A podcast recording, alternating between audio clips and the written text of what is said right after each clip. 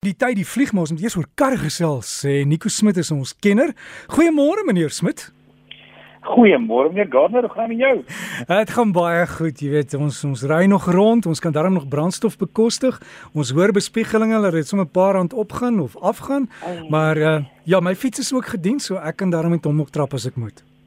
Ja, jy weet, dit is goeie oefening en uh, een ding wat kan begin is moenie by die winkelsentrum aan die een kant stop en na die winkel toe gaan en dan aan die ander kant toe ry na daai winkel toe gaan nie. dit gaan ons al van opspaar. So wat moet jy doen? Loop. O, dankie Nico. goeie, goeie.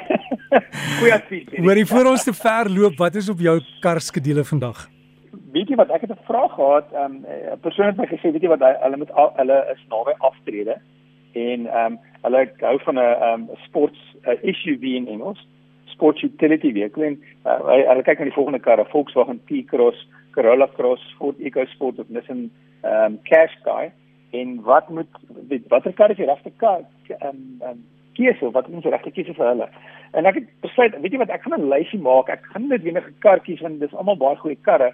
Ek sê eerder 'n lysie maak en sê weet jy wat hierdie dinge om te oorweeg.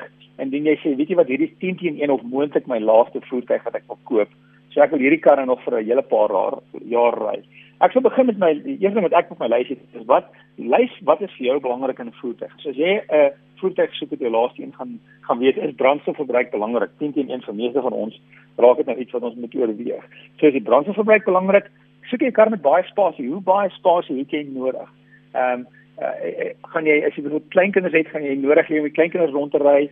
Hoe belangrik is die veiligheid van die voertuig vir jou? Ehm um, dis my persoonlike is iets wat vir my baie belangrik is. Ek weet weet ek ry 'n veilige voertuig. Ehm um, as ek kyk hoe hoe hoe dit hoe, hoe, hoe gevaarlik dit op die paai is. Ook ehm um, uh, outomaties op handrat. Dis 'n uh, voertuig wat jy gaan jy baie ry as jy nou gewoond aan 'n handrat en wil jy by handrat bly of wil jy nou oorweeg om 'n outomatiese kar uh, te ry. Baie mense is gewoond aan handrat. Hou nie net wenig van outomaties nie. As jy bietjie gewoond is aan outomaties, is dit eintlik 'n makliker voertuig om te ry. So in die lang duur is outomaties makliker, maar as jy 'n kar het vir baie jare, is dit sien dit makliker om 'n hand te hang af natuurlik van die tipe outomatiese radkas. 'n Handradkar se dienste of iets wat kan verkeerd gaan, dit in net die ehm um, uh, die die die koppelaar, ehm um, die plate, so dis nie te duur nie. Uh as jy na voertuig kyk ook, uh, uh, baie maal lyk die voertuig baie mooi met daai groot bande, maar oorweeg ook wat is die koste van die vervanging van die bande want groot bande lyk baie mooi maar dit is baie duurder om om byvoorbeeld um, 'n 20 duim band te vervang as 'n 17 duim. So as jy as jy groot is maklik beskikbaar, ook die dienskoste, wat gaan die dienskoste wees aan die voertuig? Het dit 'n 'n diensplan of 'n onderhoudsplan? En wanneer ek dit kom ek sê ek is dan uit die plan uit na 5 jaar gewoonlik dis 'n gemiddeld hoe lank 'n diensplan of 'n onderhoudsplan is wat gaan dit my dan kos? Wat gaan die olie my kos? Wat gaan die remme my kos? Ehm um, wat gaan die gewoon dienste my kos as die radkas breek? Wat gaan dit mooi moontlik kos? Ehm um, en ook wat vir my belangrik is is die beskikbaarheid van parte.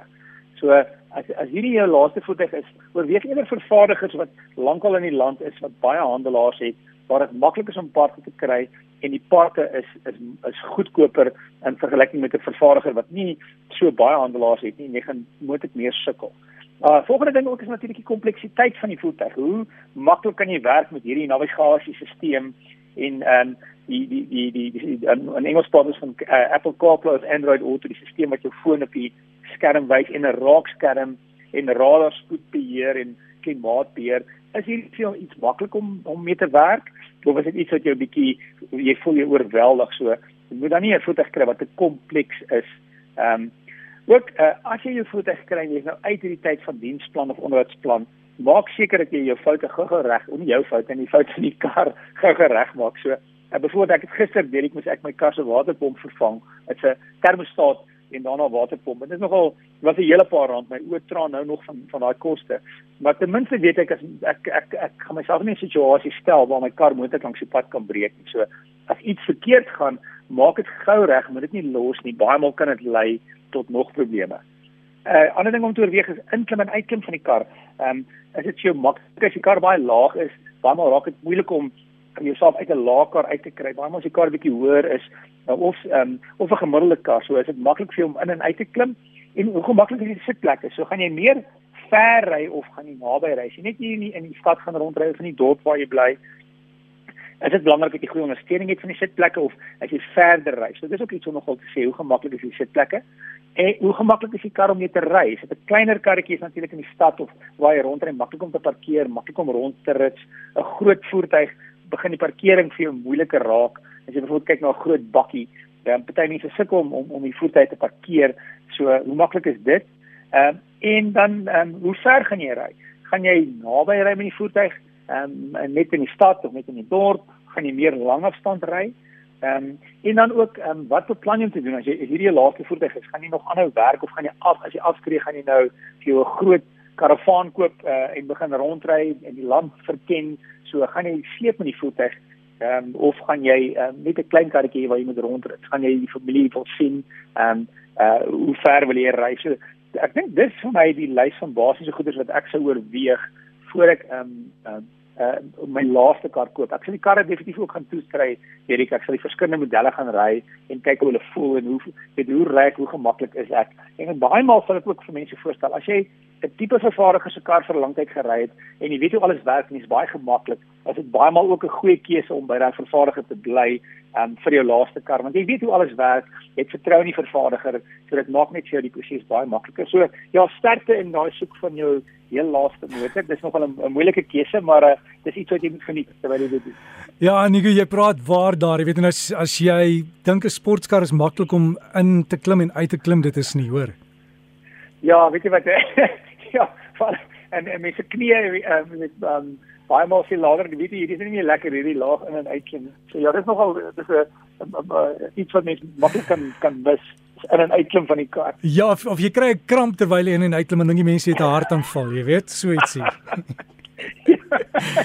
Nico, alles van die beste en moet moet ons maar vir jou kollekte hou vir daai part wat jy moes vervang of is jy nog reg? As dit asseblief man, ek sê vir die bank besonder die later dit was dit was skrikwekkend maar weet jy wat ek as jy moet werk so. Ja, nee nee nee, ons ons lekker ry. Ons sal jou ja. borg ja. vir daai blikkies wat jy mee kan staan by die verkeerslig. Ons sal ons plakker opsit. 50 sent 'n week vir die res van my lewe. die RSG blikkie dan kan jy daar bedel by die hoek Nico. ja. Geld vir 'n nuwe termostaat.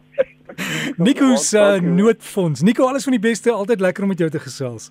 Dankie. Lekker naweek vir julle. Selfde dankie Nico Smit daar met ons wiele bydra. En as jy vir Nico wil kontak, dalk 'n vraag het, vra vir hom. Wiele by rsg.co.za. Wiele by rsg.co.za.